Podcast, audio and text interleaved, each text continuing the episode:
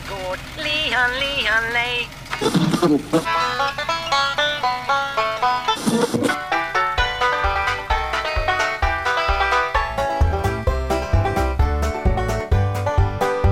Du lyssnar på Bondepraktikan presenterad av Bulletin. I ditt öra, precis som vanligt, är jag, Per-Ola Olsson och Rickard Axdorff. Tycker du om det du hör och vill höra våra ljuva, ljuva, våra ljuva stämmor? En vecka innan gratislyssnare kan du alltid teckna en prenumeration på Bulletin. Förutom snabbare tillgång till Bondepraktikan får du även tillgång till hela Bulletins premiummaterial. I vanliga fall brukar jag vid den här punkten fråga Rickard vad han har dödat sen senast. Och han frågar mig sen vad jag är arg på.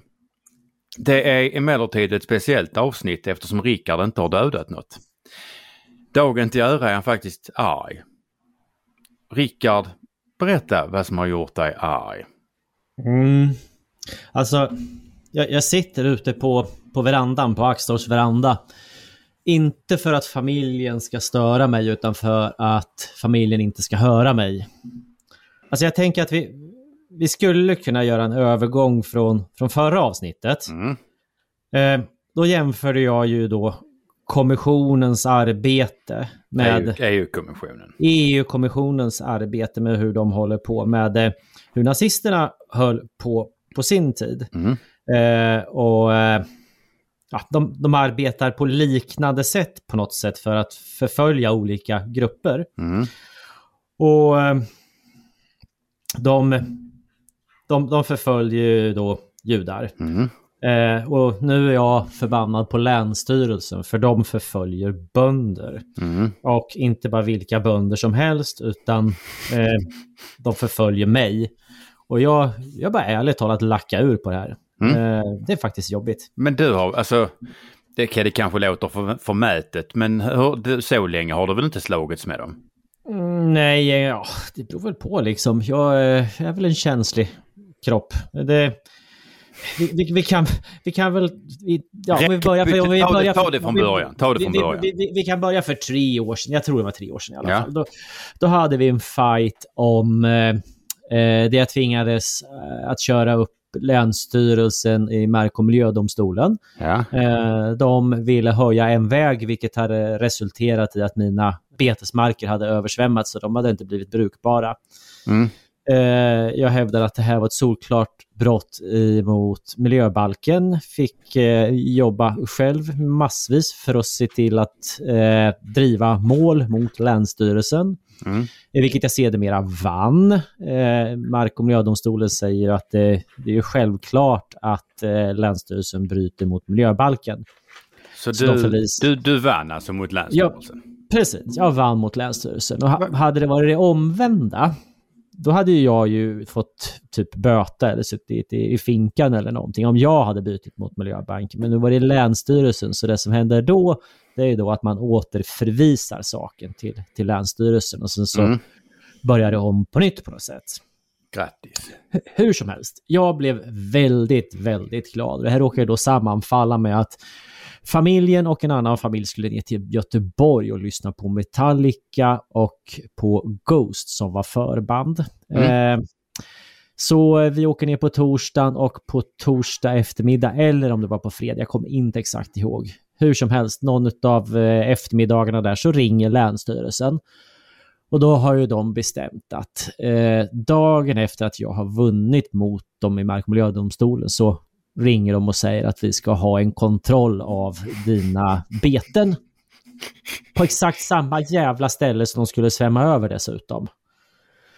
Eh, Okej, så att du vann, mot, du, du vann mot Länsstyrelsen i Mark och miljödomstolen och sen så tar det en dag och så ringer de när du är på väg iväg på, på semester med familjen och ska göra kontroll hos dig. ganska exakt 24 timmar. Japp. Nice. Ja, så då så tänkte man väl att ja, det kanske är en slump, men eh, ändå inte. Det, det luktade surt. Mm. Eh, sen så var det nog ett år utan kontroll. Eh, sen så hade vi, fick vi ett debacle med mina kvigor. Eh, det var nämligen som så att eh, vi hade varg på området och vargen skrämmer då ut kvigorna så att de springer rakt igenom ett vargstängsel. Alltså ut eh, och sen så fortsätter de att kasta sig ner i en å. Så inne i den ån så hittar jag då sedermera kossorna ligga simmandes för att där är de, slipper de liksom eh, vargarna. Mm. Eh, och jag är fullt sjå hela dygnet där att försöka få upp dem ur ån och få tillbaks några eh, i hagen igen. Eh, vi fick inte tillbaks alla utan en del sprang vild för våg. Vi höll på i flera dagar att försöka få in dem. Den sista Flera, fick... flera dagar, ni höll, alltså jag kommer ihåg det här, ni höll ju på Ja. veckovis. Ja, det Var tog det fem någon- veckor. Ja, precis, fem var det, inte veckor. någon, var det inte någon ni fick, alltså, som ni typ sköt på älgjakten? Nej, vi, Eller var det någon fick- annan? Ja, skitsamma. vi, vi, vi fick avliva två stycken som helt enkelt blev dumma i huvudet. En Mm. i grannbyn och en i vår egen by. Alltså de blev knäppa. De sprang på vägar och trädgårdar och överallt.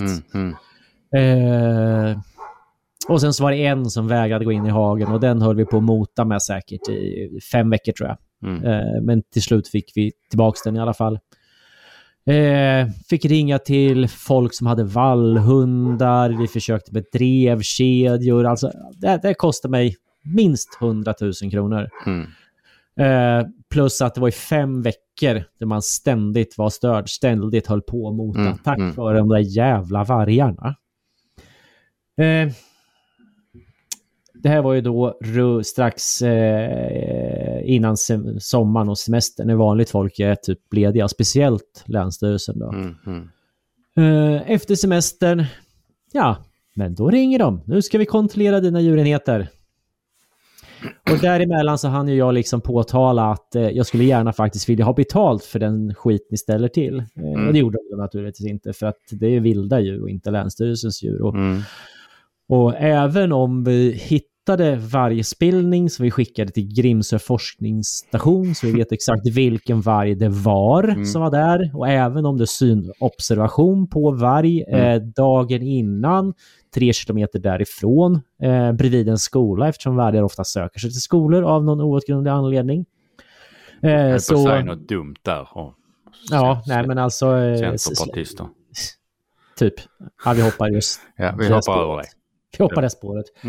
Eh, så, så eh, kan de då inte ersätta någonting. För att ska man få ersättning då måste man då istället för att eh, liksom rätta upp skiten och försöka leta efter kvigerna så att de inte blir översprungna av bilar och någon kör i diket och tåget spårar ur och allt möjligt så ska man ju då rulla tummarna, ringa Länsstyrelsen, ska det komma ut en hund som ska markera att det har varit en varg där. Och det finns Okej. typ en i Närke och den jäveln går ju naturligtvis inte att få tag på i alla fall. Så att det är ju kört hur som helst. Mm, mhm. Eh, men eftersom, och då skrev jag ju debatter om det här naturligtvis eh, på flera håll. Eh, och mm, då fick jag en kontroll, som av en händelse. Okej, så, du, så du, du skällde på Länsstyrelsen och ifrågasatte ehm, det här med att, att eh, du och folk i närheten var drabbade av varg. Mm. På ett väldigt konkret vis. Och då fick du kontroll igen. Den här gången var det de skulle kontro- kontrollera, dina, skulle kontrollera öronmärkningen och journalföringen. Mm, precis, Okej? precis. Ja. Och det var i fjol. Eh, det var. Höstas. Mitt, mitt, mitt i coronan dessutom. Så det, det slutade med... Efter semestern. Så typ ungefär vid den här tiden. Ja, precis. Okej. Eh, nu kom de ju aldrig för att eh, jag vägrar släppa in dem på gården på grund av corona. Eh, så den gången så lyckades jag hålla dem härifrån. Okej. Ja, eh, det börjar bli ett mönster. Det börjar kännas lite grann som man förföljer. Eh, I... Ja, sen så började du och jag podda. Och sen så råkar vi ju prata om Länsstyrelsen på ett sätt som inte är så fördelaktigt. Vilket inte Eh. är så konstigt eftersom de är onda. Alltså, ehm, ja, vi kan ju inte bevisa det här, men i alla fall, vi förde ett samtal i, i en podd, om det var i förra eller förrförra podden. Eh, hur som helst. Jag tror det var i förra, den som blev gratis. För, alltså den som, den som, eh, alltså förra. Ja, det var den som blev, blev lyssningsbar för, vecka för tisdagen förra veckan. Så tisdag förra veckan kommer den ut. Onsdag, alltså dagen efter, då ringer Länsstyrelsen. Då är det dags igen, så ni. Tjoho! Nu ska de kolla loggböcker.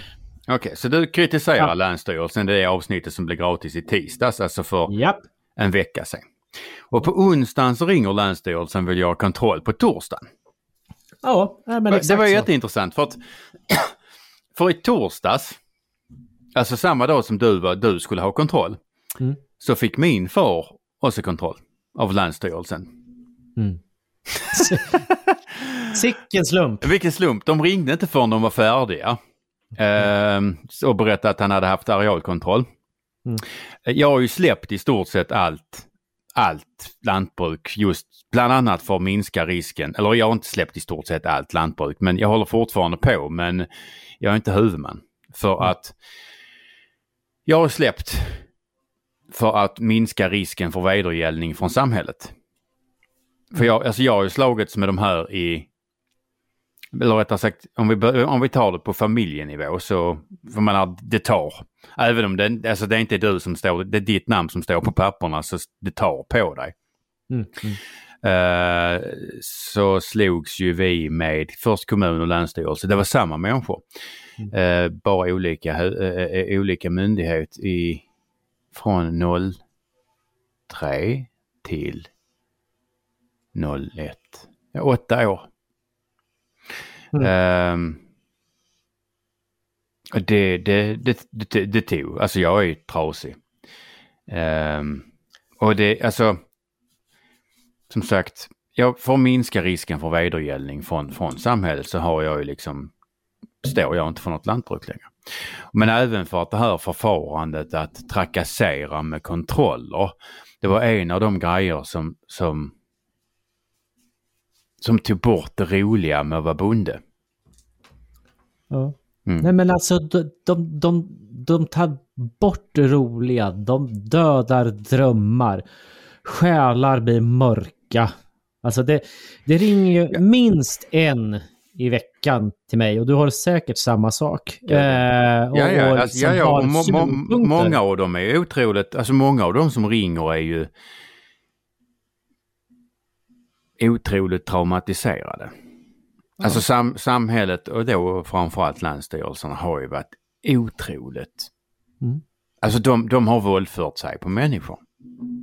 Och det här är inte människor som har, som har gjort fel. Men jag har ju en ganska liberal inställning till här med hastighetsgränser. Framförallt när det, alltså ute där man kan köra fort liksom. Eh, Kan, inte förbi skolor och hus och sånt skit. Där, där kör man ändå anständigt om där är folk eller djur på vägen. Mm. Men eh, alltså när, det, när det, man kan köra fort, då kör jag gärna fort. Och jag vet om att jag gör det och jag vet om att, att jag är på fel sida lagen och jag blir liksom inte sur om jag skulle bli stannad. För jag menar det är polisens jobb att stanna mig och ge mig böter. Och jag vet om att jag har gjort fel. Mm. Men om vi tittar på det, alltså tittar på, på, på lantbruk, från lantbrukarperspektiv så är menar, det är väldigt ofta människor som har gjort allt, som alltså dels är väldigt duktiga lantbrukare. De har i stort sett gjort allting rätt. Men Mm. de får ändå, de har satt sig upp mot överheten. Mm. Och det får de äta upp. De får, alltså de får det så in i helvete. Alltså, jo, men att, att vara motståndsrörelse eller kritisera, det kostar ju liksom. Det kommer med en peng. Jo, tack, jag vet. I, för, I förra veckan så då ringde det en, en veterinär Mm. eh, som då i, i sin tur hade fått varit någon typ av ventil mot andra. Mm. Eh, han berättade om en, en kobonde i dina trakter Mhm. eh, som eh, hade då skrivit en kritisk insändare mot Länsstyrelsen i Skåne. Aj, aj, aj, aj, aj. Ja. Eh, den kom ut ena veckan och nästa vecka hade han djurskyddskontroll. Ja. Eh, och sen så var de på honom eh, så det slutade med att han eh, nu inte har djur längre. Ja. Eh, han berättade också om en hästägare Mm. eh, som fick en häst som vart halt och för att göra en lång historia kort så gjorde väl hästägaren som veterinären sa. Mm. Eh, så gott som hela vägen. Mm. Eh, slutar med att eh, han som hästägare blir då anmäld för eh, djurplågeri och ska nu upp i rätten. Mhm. Eh, och anledningen är då egentligen att han följde vad veterinären sa. Mm. Eh, Vilket är ju helt stört. Och kan du inte försvara dig så åker du på de där grejerna. Man gör ju det och det spelar liksom ingen roll om man kan försvara sig eller inte för de är mm. övermäktiga. Mm. Det, det, för de har ju hela samhällets resurser mm. ba, alltså bakom sig. Och det, Ja, det här är ju liksom det vedertaget. Jag, yeah. en, en, en nära släkting som jag liksom gnällde uh, över situationen över sig, hon säger så här uh, till mig att ja, ja, men Rickard, det, det begriper du väl att du får kontroll när du kritiserar samhället och systemet. Det får man räkna med. Ja, men det är maffiametoder ju. Det ska inte vara så. Och kanske absolut roligaste eller mest tragiska, det var ju så här att eh, dottern Hilma märker ju liksom att pappa går och funderar och är tvär och sur. Mm, så, så mm. frågar hon lite grann och så talar jag om hur det ligger till och hennes reaktion är så här, alltså, är det kontroll nu igen? Mm. Ja, hon är tio alltså, år, hon är tio år. Mm. Jag förstår. Mm. Alltså det är ett jävla piss. Alltså jag kommer ihåg. Alltså när det var som jävligast här då kunde, jag, då kunde vi ju ha kontroll tre eller fyra dagar i veckan. Och varje mm. kontroll kunde ta mellan sex och åtta timmar. Mm. Mm.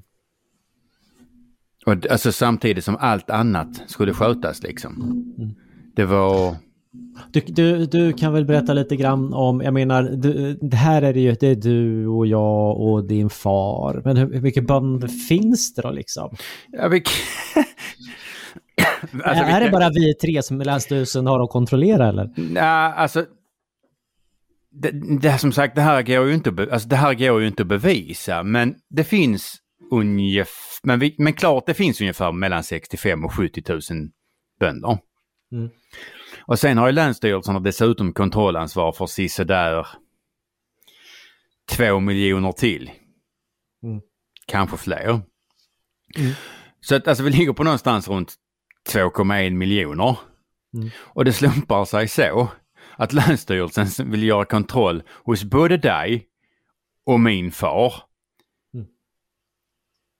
Ja, alltså... Eh, Efter att du och jag kritiserat just Länsstyrelsen i podden. Alltså visst är, alltså, visst är slumpen otroligt märklig.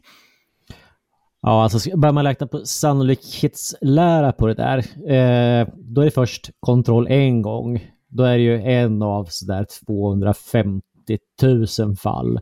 Och sen så man tänker sig att det sker en gång till och en gång till och mm. en gång till. Mm. Då är det matematiskt skulle jag säga bevisas att det här är inte slumpvisigt. Ja, så tillvida man inte har en speciell liten grupp som man har en extra hård kontroll på. Ah, du menar de som kritiserar Länsstyrelsen?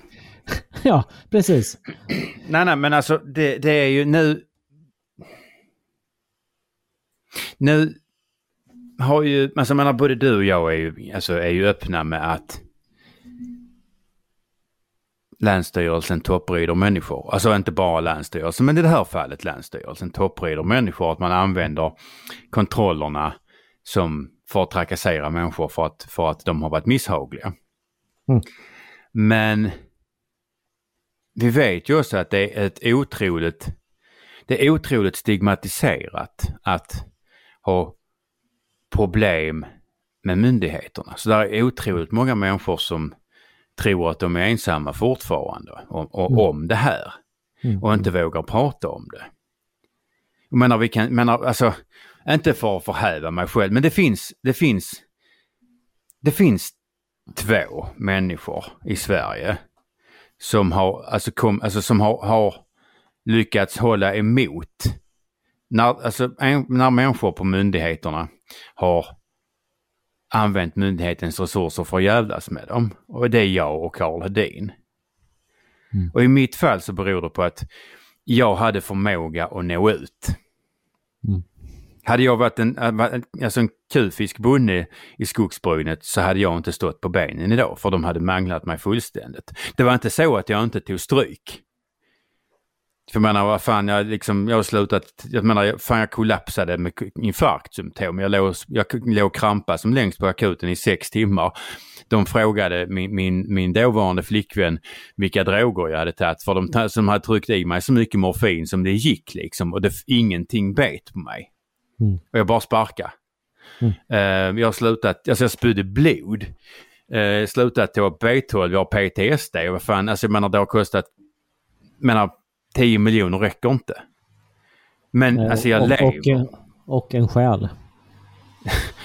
Den är ganska sargad. Alltså, ärl, alltså ska, jag, alltså, jag, ska jag vara he- helt ärlig, men alltså... Jag... Jag vet hur mycket min kropp, alltså eller rättare sagt, jag har ju förstått hur mycket stryk min kropp tog av det här. Mm. Och jag... Jag räknar inte med att bli särskilt gammal.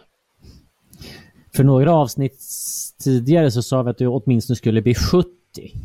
Ja, det var bondepraktikan som sa det. Jag, som sagt, Okej. den, den ursprungliga boken, inte den här podden. Nej, men Nåväl, vi skiter i de där. Jag orkar Ja, men- inte med dem längre. Eh, vi, vi byter spår tycker jag. ja... kan vi inte blir- göra det? Jo, vi gör det, men alltså det, samtidigt Ja. det här måste pratas om. Ja, jo, jo, precis. Mm. Eh, vi, vi lär komma tillbaks till det. Det skulle väl vara konstigt annars, men... Ja. I innan konsekvensens- Vi, ja. bara innan fortsätter, som sagt.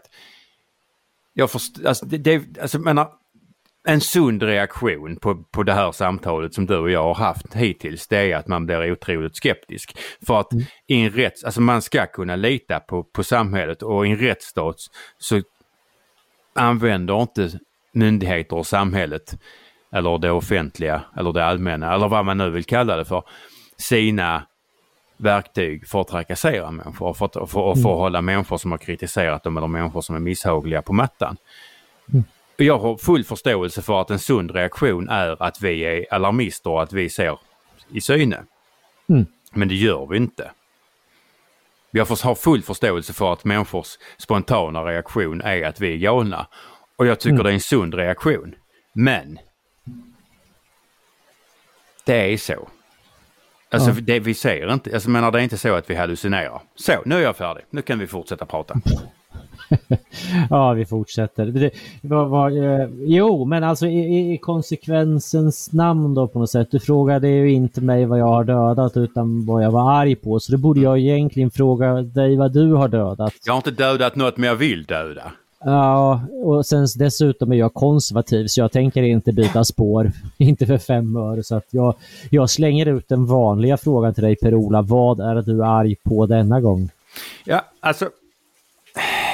Först. Först var jag arg på amerikanska tranbär. Tranbär. Tranbär. Eller tranbär. Du säger tranbär, jag säger tranbär. Amerikanska tranbär, de var jag arg på. Kanske inte just dem, men någon som säljer dem. Eh, men sen blev jag arg på så jävla mycket så att min utläggning om varför jag är arg på, a- på tranbär får vänta. Och först och främst, jag vet inte om du hör det, men ett gäng hippies har festival på andra sidan skogen. Eh, vilket i och för sig jag kan unna dem, men alltså det är två kilometer kompakt skog mellan oss, eller rättare sagt mellan dem och mig. Och jag har inte sovit på två nätter för de spelar så satans högt. Alltså jag hörlurar på mig nu när vi spelar in podden du och jag. Jag hör för fan musiken ändå. Okej. Äh. Så att, Ja, men gå dit och dra ur sladden då. De har, alltså okej, det är någon sån där jävla festival där både män, kvinnor och icke-binära och där man äter rödbetshummus. eh, eh, och, och det är kärlek och helvete. Eh, alltså, sånt som jag hatar. Men de, de, har, alltså, de har inte, nej nej där är för fan inte ström nog till att dra den jävla eh, högtalaranläggningen så de har ett eget elverk jag har kollat. Eh, så att nej, jag kan inte köra ner och dra ut sladden. Men, men Ligger det någon slags eh, rök över hela nejden nu så eh, man, man går i halvhög i alla husen. nej, det beror lite, alltså högtalarna är ju riktade åt mitt håll liksom. Så att alltså jag eh, och Ulf Lundell sju kilometer bort, vi hör dem. Så att jag går och ryker i alla fall. Och jag, så nu ämnar jag göra som, som djurrättsaktivisterna. Så kan de här jävla hippisarna hålla mig vaken, kan jag hålla dem vakna. Och jag är extremt sugen på att ägna kommande året åt att med ojämna mellanrum ringa arrangörerna på alla tider under dygnet och förklara för dem att jag inte tycker om deras musiksmak och jag tycker inte om att hållas vaken. Och gör polisen som när djurrättsaktivister ringer, ringer djurägare några hundra gånger per dygn och tar varje samtal för sig som ett litet brott utan att se den större bilden. Mm. Så kommer ju inget hända mig. Alltså fy fan vad jag vill att de ska lida. Bra. Alltså jag har absolut inga problem med att folk har kul, tvärtom. Eh, men däremot är jag våldsamt emot att en jävla rektor från Solna, Solna, Solna, Sol, Solna, du hör jävla... Mm. Sto- Stockholm typ. Ja, precis. Behandlar mitt hem och min hembygd som någon sorts jävla lekstuga som man kan åka ut och svina i och sen åka hem igen. Jag har för fan inte bett om att bli någon ofrivillig del i några jävla medelålders akademiker, stadsbundna akademikers patetiska jävla försök att lura, lura sig själva att de fortfarande är unga genom att åka till Österlen, hålla festival, röka sju ton gräs och spela musik på 300 decibel ja, en utläggning som heter duga. Det, det är inte bara så som att du är lite sur för att du inte blivit bjuden. Nej, Nej, det är musiken.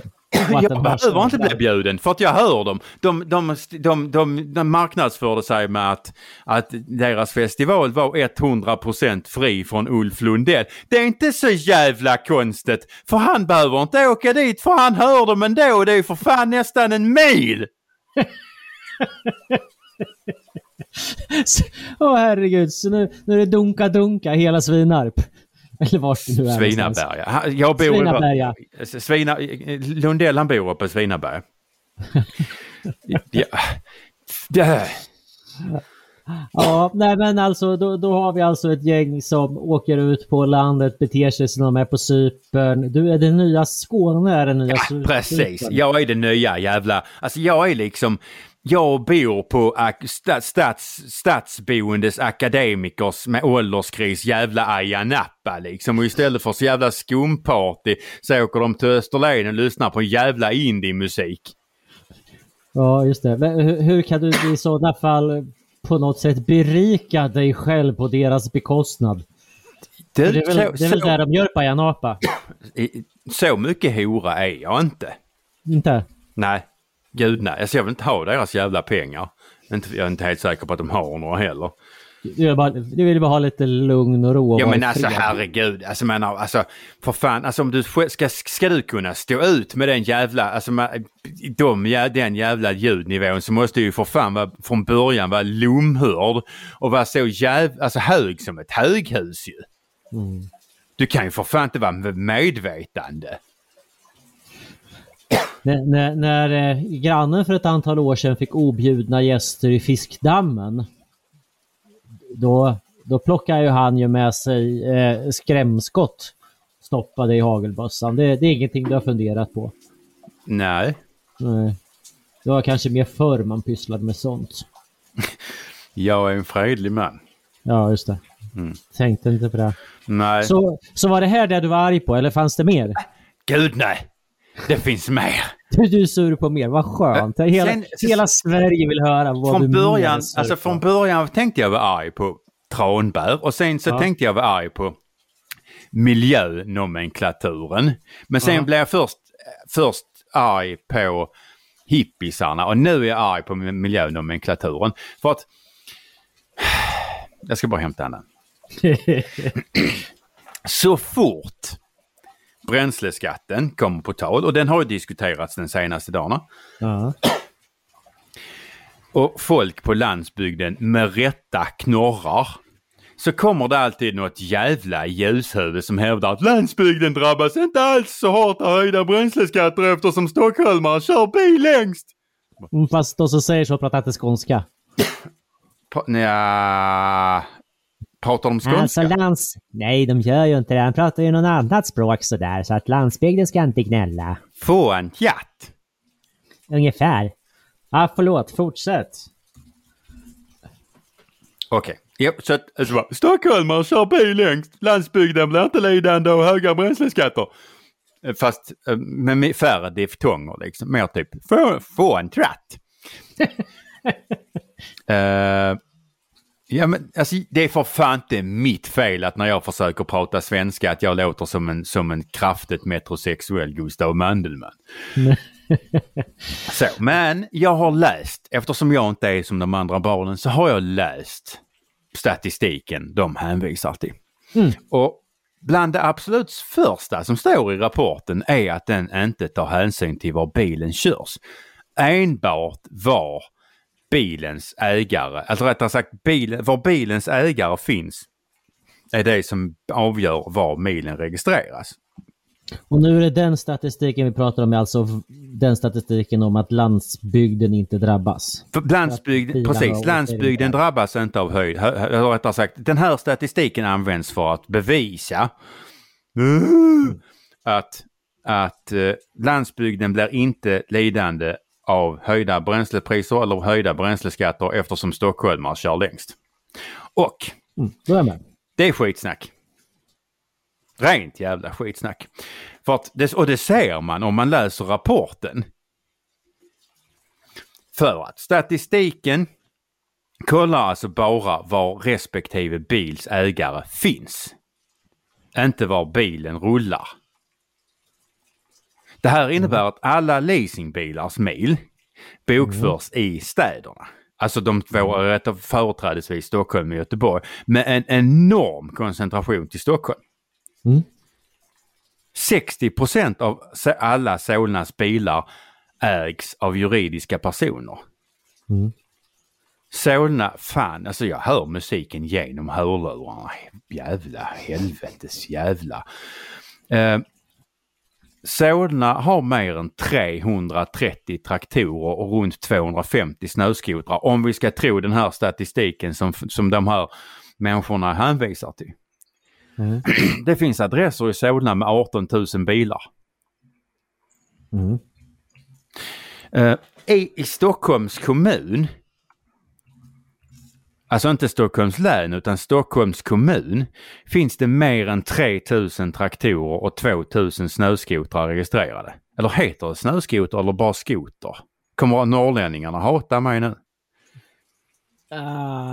S- norrlänningar hatar väl skåningar från början, spelar ingen roll vad du säger. Nej, nej, alltså vi- nej, de, de kanske tittar lite snett på oss, men vi kan samtidigt, men vi, vi enas, eller vi får, vi, vi ska säga, vi kan liksom enas i ett förbrö, förbrödrande hat mot Stockholm.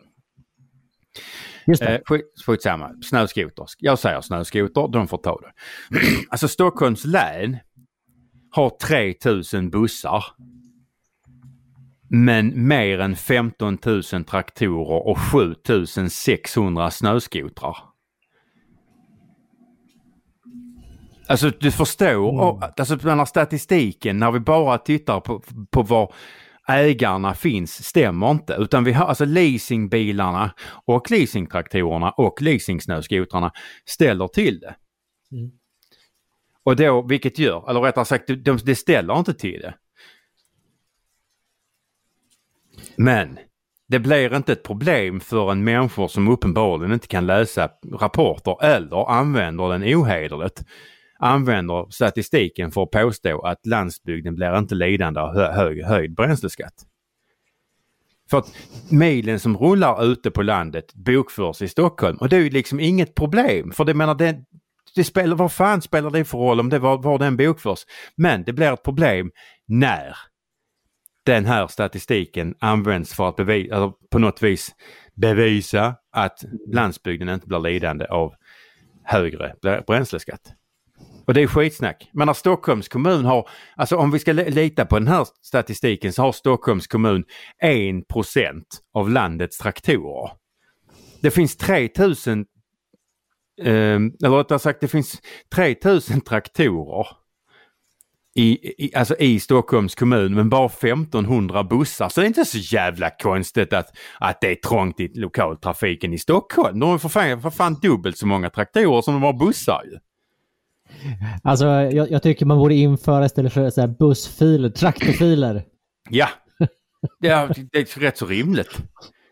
Ja, men faktiskt. Jag menar, är, tra är, tra är traktorn tillräckligt, alltså menar, är traktorn någorlunda stor så får du liksom enligt stadsplanen inte ens köra med den innan, alltså inne i Storstockholm.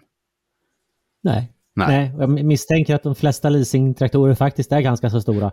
Ja. Ja. Nej, så att alltså, jag är arg på dig också. Jag för att, Jag är arg. Ja, men det, det, det är bra tillstånd ändå. Det är på något sätt, då vet man vart man har dig. Eh, men det här är ju, det är ju rätt skruvat faktiskt om man ska titta på det. Alltså, kan vi inte bara förbjuda typ städer? För det är där det smutsas ner då. Ja, alltså med tanke på hur många traktorer de har så menar, verkar de ju klara. Kan, vi väl, kan vi väl göra så att vi, vi äh, gör det här, eller gör verklighet av den här jävla äh, skämtet och bygga en mur runt Stockholm. Äh, för menar, med tanke på hur många traktorer de har så borde de ju rimligtvis klara matförsörjningen själva ju. ja. Nej men de kör alltså, med sådana här Fenty blomlådorna. Ja men alltså jag blir inte, alltså jag, jag blir så jävla trött på det för att jag tror, alltså hela den här, alltså, man har, alltså bonus, malus, allting sånt skit. Alltså man, man, man höjer skatten och sen så, ja men vi, vi, eh, och sen, men vi gör jättestora satsningar på infrastrukturen och, och subventionerar elbilar. Ja men alltså, jag tror inte, alltså jag tror inte folk riktigt förstår hur lite pengar på land, folk på landsbygden har. Mm. Jag vill inte säga att, alltså, jag, var på väg att säga att jag tror inte att folk, på, folk i gemene man förstår hur fattigt det är på landsbygden. Det lät fel. Men det är liksom inte så att alla har råd att köpa en elbil. Alla av oss har dessutom behov som gör att det inte funkar med elbil. Men samtidigt så kan vi då ha, de, alltså, de, alltså påfallande många av dem i stan, de har uppenbarligen råd att köpa en elbil som subventioneras. Så att man höjer skatten för de som är fattiga, alltså vissa, jag använder ordet fattiga, man höjer skatten för de som är fattiga och de som inte har råd mm. att köpa en elbil. Mm. Och sen tar man de här pengarna från de fattiga för att subventionera en jävla elbilsjävel. Mm för människor som har betydligt mycket mer pengar än de som man har tagit pengarna ifrån. Mm. Så alltså ja. vi, låter fattiga, vi låter mindre bemedlade människor subventionera rikare mm. människors elbilar. Mm. Vi pratade om August Palm i ett annat avsnitt. Ja, för... Eh, för, för, för er som lyssnade så kan ni nog se kopplingen.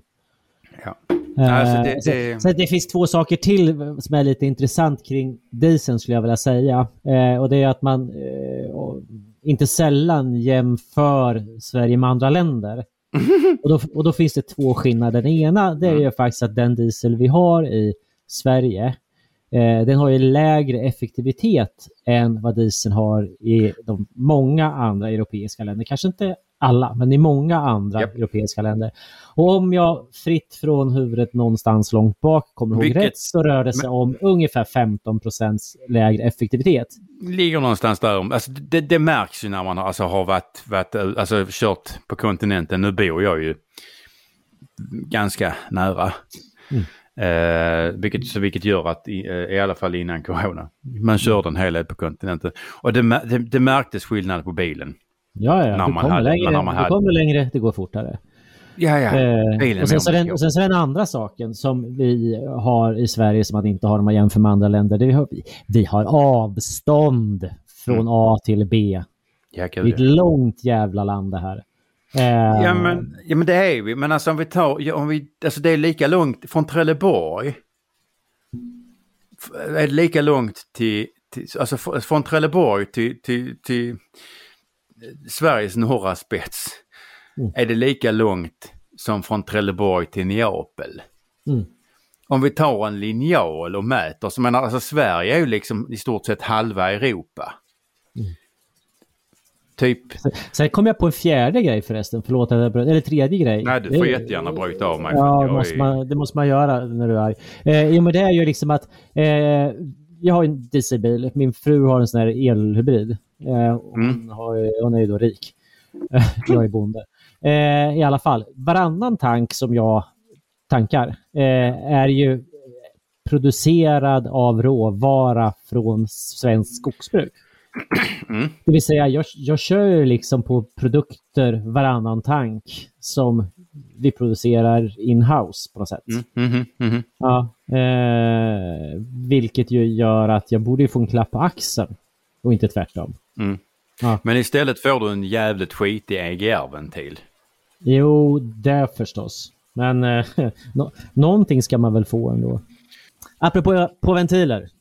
Ja. Ska vi inte ta och ventilera lite grann mera om eh, vapensmederna som vi pratade om i förra avsnittet? Absolut, det kan vi mycket väl göra. Det där var en väldigt ansträngd övergång men jag tycker definitivt att vi ska göra det. Ja, men vad bra. För nu såg jag på Twitter och där är ju naturligtvis allting sant. Det var en polis som Det är skrev sant på dessutom. internet. Så är det. Allting är sant på internet. Speciellt på Twitter faktiskt. Det var, det var en, eh, en polis som skrev någonting intressant där. Och det var att om man, om man kollar tillbaka de senaste 20 åren på eh, olika brott Mm. och då kollar på eh, vapensmeder, hur många det är som åkt dit för att sälja vapen till kriminella. Mm. Eh, så är det lika många som dyker upp som om man under samma period kontrollerar hur många poliser som har rånat banker. Eh, det är ju inte som så att Okej, vi så att tror det är att... lika många vapenhandlare som har sålt, alltså riktiga vapenhandlare. Ja, riktiga vapenhandlare. Eller riktiga vapensmeder, riktiga vapenhandlare som har sålt vapen till kriminella. Japp. Som, där, som där är poliser som blivit dömda för bankrån. Ja, exakt så. Och det är ju inte som så att vi springer runt och säger att alla poliser är bankrånare. Nej. Men, eh, Hej och men man- välkommen till Bondepraktikan. Podden med helt sinnessjuk Fel fokus. stati- statistik. Nej, inte alls. men- Okej, så att... Ja. Ja, men så att jag, jag tycker det är faktiskt rätt intressant. Eh, det är inte som så att eh, DN gör eh, en artikelserie om att poliser eh, rånar banker. Nej. Nej. Men eh, du hade ju faktiskt lite fel i början, för jag har ju dödat saker. Jag skulle bara vilja rätta dig där. Jag har, jag har ju faktiskt varit ute och sk- skjutit ner fåglar som flyger över öppet vatten. Ah. Ja, eh, och det där har jag funderat lite på för att när man jagar över öppet vatten så är det då påkallat att man använder stålhagel istället för blyhagel som man använder i normala fall. Eh, För er som inte är så bevandrade så är en hagelpatron det är alltså en, en laddning där krutet finns, en liten förladdning som någon slags alltså, alltså en plastbit eller vad vi nu ska kalla det för. Och sen så är det själva haglerna. Och det är små, små, små runda saker som flyger iväg och det är de som så småningom träffar där du ska försöka skjuta ner. Mm. Eh, och över öppet vatten så ska man då använda sig av järnhagel eller, eller så här, man får inte använda blyhagel eh, för att det ska vara korrekt. Då. Eh, och anledningen till att man inte får använda blyhagel är ju att man träffar inte med alla hagel i ett djur varpå haglen ramlar ner i vattnet och sen så simmar det runt änder där och äter upp de här blyhaglen och då får de dem i magen och då, och då lider de och, och kanske så dör de till och med så småningom. Eh, och det vill vi naturligtvis inte att djur ska lida. Eh, problemet är ju bara att de där jävla alternativen haglarna, eh, järnhagel eller vad det nu är, det är inte lika mycket död i det. Va? Mm. Vilket led, lider, leder till då att djur lider för att de dör inte på fläcken. Eh, och, och Man märker det direkt. Står man liksom med stålhagel så är det det, det som hade varit dödande skott med blyhagel blir inte det med stålhagel.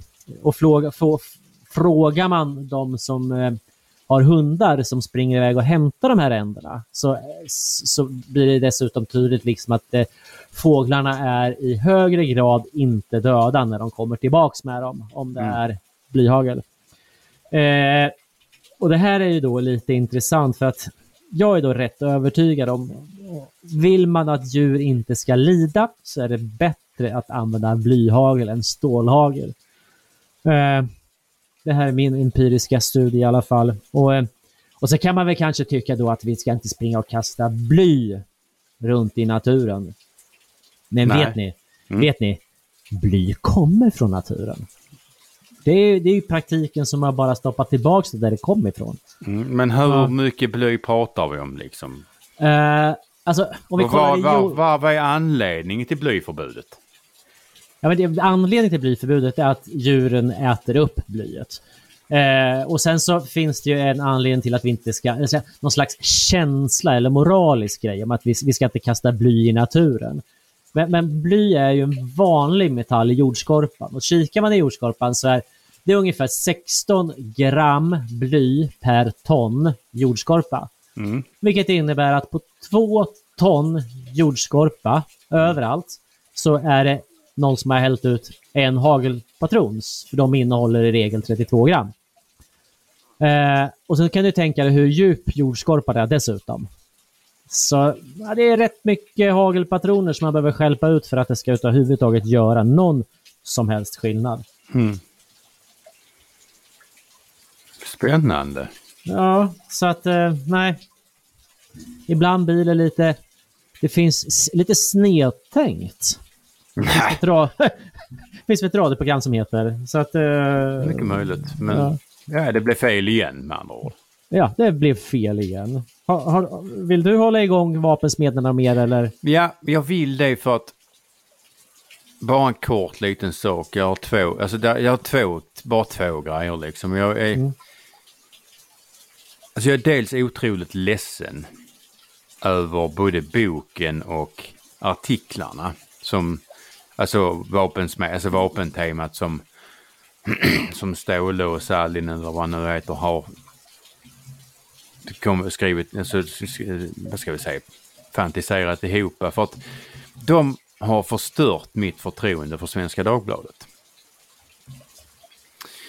Jag kan inte längre tro på det jag läser inne i tidningen. Mm. Ledarsidan har inga problem med.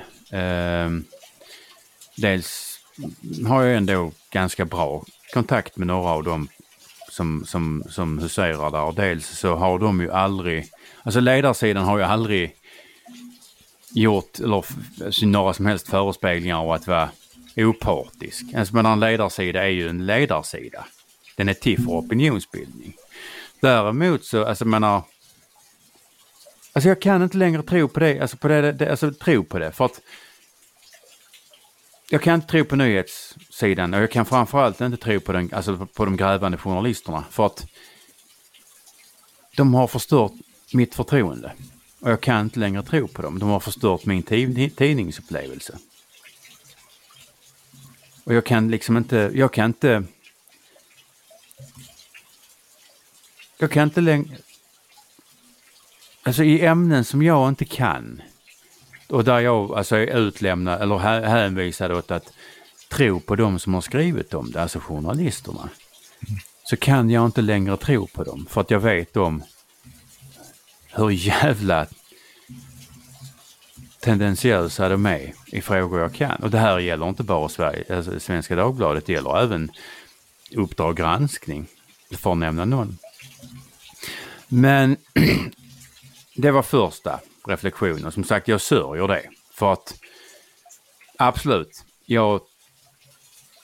Rätt ska vara rätt. Det handlar inte om att jag, jag, eh, jag tyck, alltså menar, tycker att vi ska ha någon form av vilda västern med vapen eller att jag är någon form av sådär, att jag är någon galen jävla Texasbo. Men rätt ska vara rätt. Och där gör Ståle och Sallinen fel enligt mitt förmenande. Nummer två är att om vi tittar, alltså nu är som sagt nummer två, jag vet om att sociala medier är ett otroligt trubbigt verktyg. Men när vi tittar på till exempel hur många likes Ståhle får när han skriver om vapensmederna. Han har någonstans runt 7 500 följare. Åtta kanske, säg åtta. Så får han kanske, som, alltså jag har tittat, som mest av det jag har sett så har han fått 24 likes. Oftast från kulturkoftor eller från människor som har en politisk hemvist som där man gärna vill ta andra människors frihet. Tittar vi på kritik, man menar som sagt han är en etablerad journalist med många följare. Tittar vi på kritiken så kan det liksom komma ifrån alltså små konton, eh, anonyma konton och där kan man lätt komma upp i både 300 och 400 likes. Och det, det gör det så otroligt uppenbart. Som sagt, jag vet om att sociala medier är ett otroligt trubbigt verktyg. Men det gör det otroligt, alltså för, från, det gör ändå en fingervisning, en ganska tydlig fingervisning att vi har, alltså det är en, det är en enorm skillnad på att ha rätt och få rätt. Om vi ska uttrycka det på det viset. För att Ståhle, han har kunnat skriva sin bok trots att ingen verkar, eh, i stort sett trots att ingen tycker om den. För man menar 25 likes och när du har 8000 följare, det är ingenting. Och de här likesen kommer ifrån andra kulturkoftor som inte förstår någonting. Och, och människor som inte tycker om att människor, andra människor har vapen. Hur, oavsett hur, hur skötsamma de än är. Så att där är, det är väldigt tydligt att, att, att det handlar inte om att du kan din sak för att du ska få lov att skriva en bok eller få lov att uttala det. Det handlar bara om att du, du är i rätt finrum. Och att du har rätt sorts pengar. Eller att du har pengar. Eller det, resurser. Jag kom bara att tänka på en sak där att sociala medier. Eh, jag skickar här med en uppmaning till alla som eh, finns där ute att följ gärna Perola och mig på Twitter för det som händer emellan alla dessa poddavsnitt. Eh, Perola hittar ni på Twitter som Snyggbonde och mig hittar ni på Twitter som Axdorf. Därmed så eh, tror jag att vi tar och avrundar det här ja, avsnittet. Eh, du har lyssnat på det tionde avsnittet av Bondepraktikan som presenteras av Bulletin och idag så konstaterar vi att Länsstyrelsen i både Skåne och Örebro lyssnar på denna podd. Per-Ola är mer arg än vanligt och lider tillsammans med Ulf Lundell. Rickard tycker att bly är bättre än stål och Per-Ola ger en halkling, harkling till journalister. Frihet är eftersträvansvärt och gillar du det du hör och vill lyssna en vecka innan gratis lyssnare kan du alltid teckna en prenumeration på Bulletin. Med det tackar jag Rickard Axdorff och Per-Ola Olsson för oss. Tack och hej! Tjingeling!